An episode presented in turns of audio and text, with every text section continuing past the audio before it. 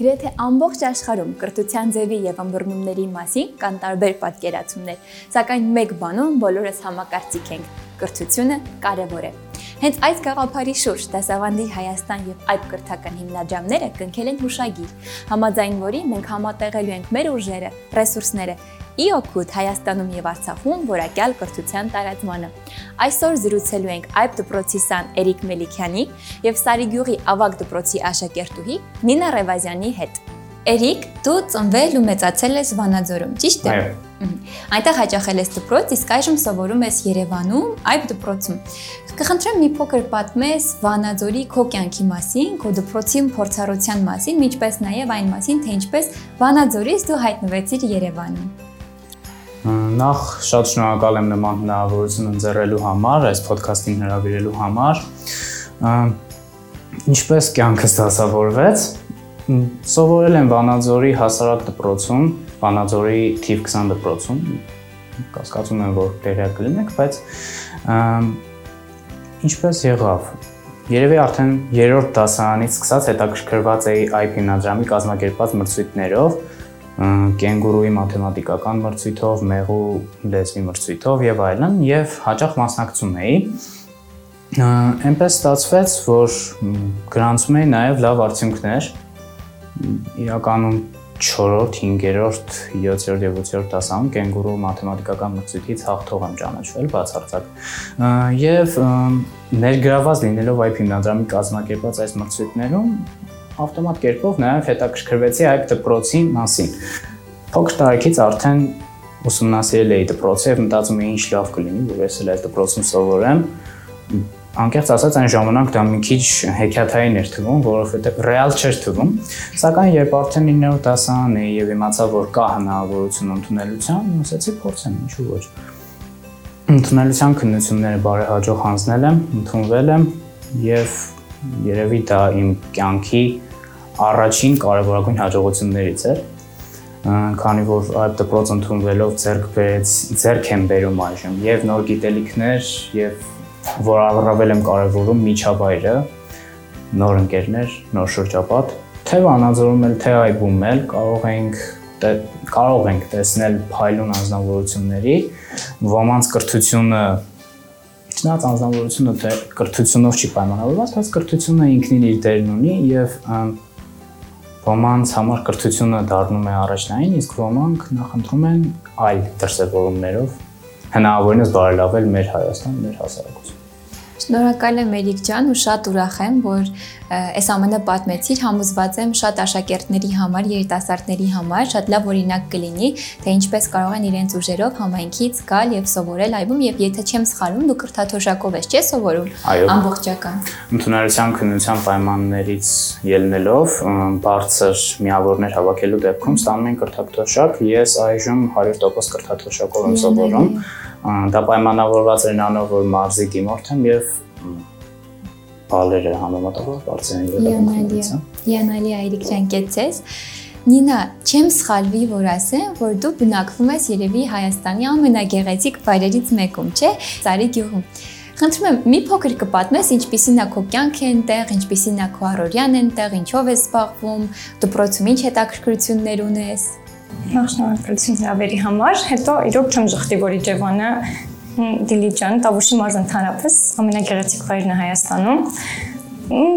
Իմ կյանքը առօրյան սովորաբար ինչպես բոլորի մոտ, բոլոր գյուղերում դպրոց, տուն, հիմա արդեն պարապմունքներ նաև խմբակների եմ մասնակցել որոշ տան առօրյա գործերով հիմնական այդքան է։ Ինա ինչ ունի Սարի գյուղը, որ չունի ոչ մի համայնք Հայաստանում։ Ինչով այնքը տարանջատվում։ Ինձ թվում է գյուղի մարդկանցով համախմբվածությամբ ինչ է լինի Սարի գյուղի ժողովուրդը շատ համախմբված է։ Ու ամեն կերպ տարբերում են բոլորից։ Շատ լավ։ Այդ տեսեք դուք երկուսը տարբեր համայնքներից եք, հա, ունեք տարբեր պատմություններ։ Ճիշտ է, երկուսը հիմա եթե չեմ սխալվում, ավարտական տարիքում եք, չէ՞, դպրոցը ավարտելու եք, բայց երկուսը դե հասցրել եք իրականացրել մի ծրագիր, որը ձեր համայնքը, հա, ձեր շրջապատը դարձրել է ել ավելի լավը։ Ես կխնդրեմ ներկայացնեք ձեր կատարած ծրագիրը, հանինա քո դեպքում կոչվում է Water for Life, հա, ջուր կյանքի համար, իսկ քո դեպքում Սարտար, չէ՞, Էրիկ ջան, եթե չեմ սխալվում։ Կպատմես Նինա ջան, թե որտեղից ծնվեց ծրագրի գաղափարը, ինչպես իրականացրեցիք, հիմա ինչ փուլում են։ Ջուրը ընդհանրապես Սարիգյուղում մեծ հիմնախնդիր է։ Նախ ճունենք բավականաչափ ջրի աղբյուր։ Հիմա կան որոշ աղբյուրներ, բայց հիմնականում որ որ կա, կրային նստվածքը շատ է ու կրային նստվածքը բոլորն էլ հայտնի է, որ մարդու օրգանիզմի համար վնասը ահավոր մեծ։ Դրա համար մենք որոշեցինք ֆիլտրեր գնենք ու թեկուզ դպրոցի մասշտաբով մենք ֆիլտր դնենք ու մաքուր ջուր ունենանք։ Գրեցինք ծրագիրը շնորհիվ ընկեր Ղուկասյանի ընկեր Մխիթարյանի շահեցինք այդ ծրագիրը ու դպրոցի դրեցինք ֆիլտր, ունենք մաքուր ու այդ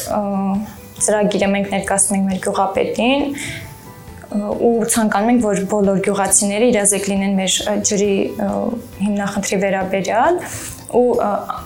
ամեն ոք ինչ որ չափով ազդեցություն ունենա այդ հիմնախնդիրը լուծելու։ Մենք պլակատներ ենք ստեղծել, ունենք դպրոցում պլակատներ ու երեխաները թեկուս հենց ջուր խմելու ժամանակ կարան տեսնեն այդ պլակատները ու արդեն իրենք էլ իմանան թե ինչա կատարվել, ինչ կերպ ենք մենք լուծել այդ ու ինչու՞ չէ նաև մեր նոր սերունդը կարա այդ ամեն ինչը ավելի կատարելագործի։ Սարտար նախ անունին երևի անվանը երևի անդրադառնամ սարտար, այսինքն սարքով հետ տար եւ սատար բառերի համադրությունն է, այսինքն սարքը իրական իր հիմնական ֆունկցիան այն է, որ լեռնագնացները կարող են իրենց հետ վերցնել այդ սարքը, փրկարարական սարքը եւ անհրաժեշտության դեպքում օգտագործել իրենց տեղանքում կողմնորոշվելու եւ փրկար այնի հետ կապ հաստատելու համար Գաղափարը առաջացել էր 2020 թվականի աշնանը իրականում։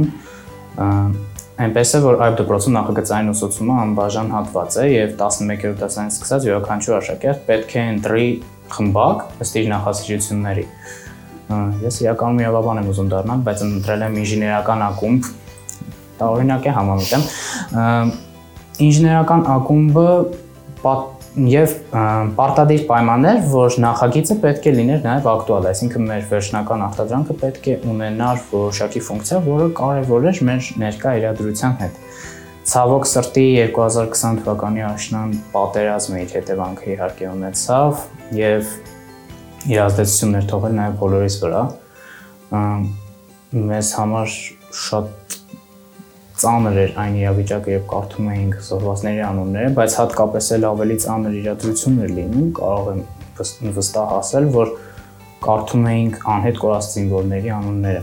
Եվ այդպես միտք էր առաջացել ստեղծել փրկարարական սարք, որը կկարողանա ցանկացած տեղանքից կապ հաստատել այնի հետ եւ հայտնել անձի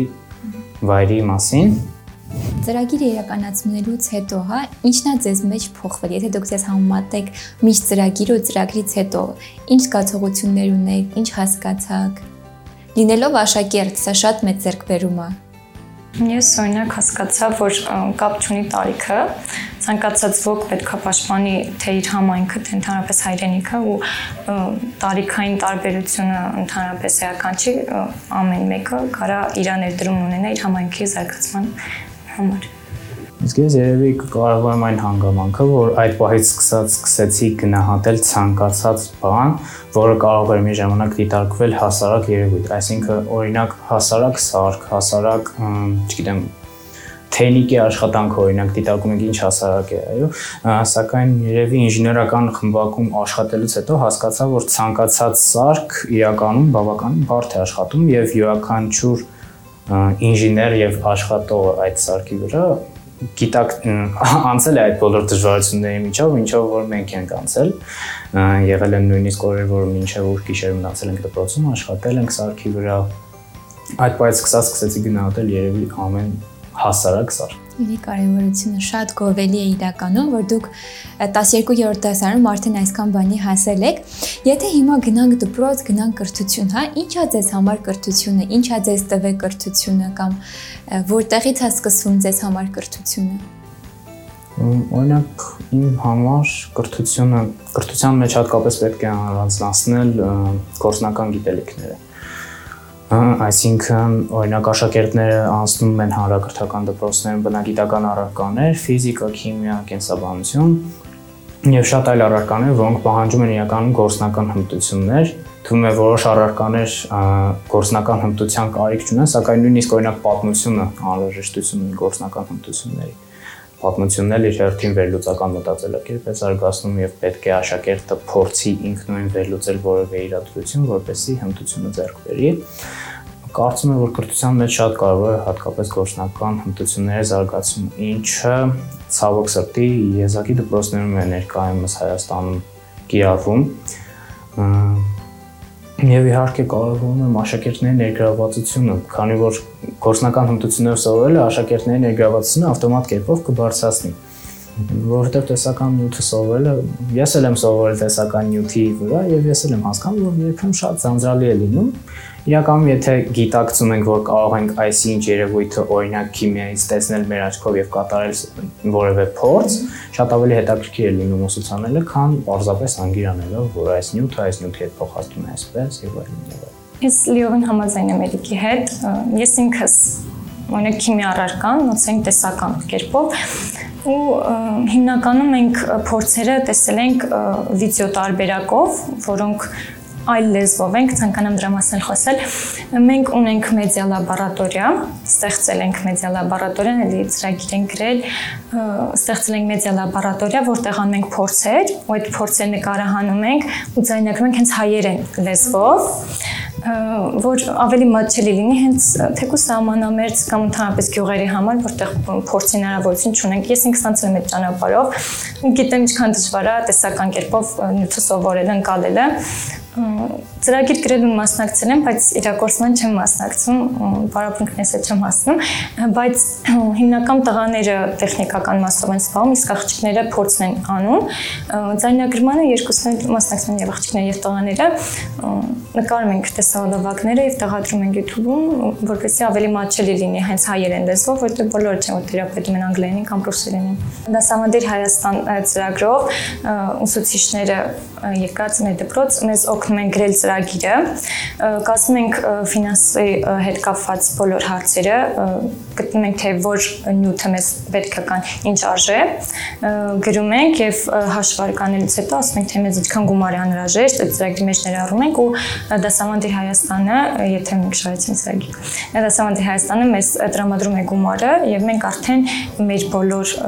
անհրաժեշտ նյութերը գնում ենք եւ արդեն ասում ենք գործի։ Ինչպեսին եք տեսնում Հայաստանը 20 տարի անց։ Ավելի ընդարձակ, համախմբված ու ավելի զարգացած։ Կայուն, համախմբված, երջանիկ։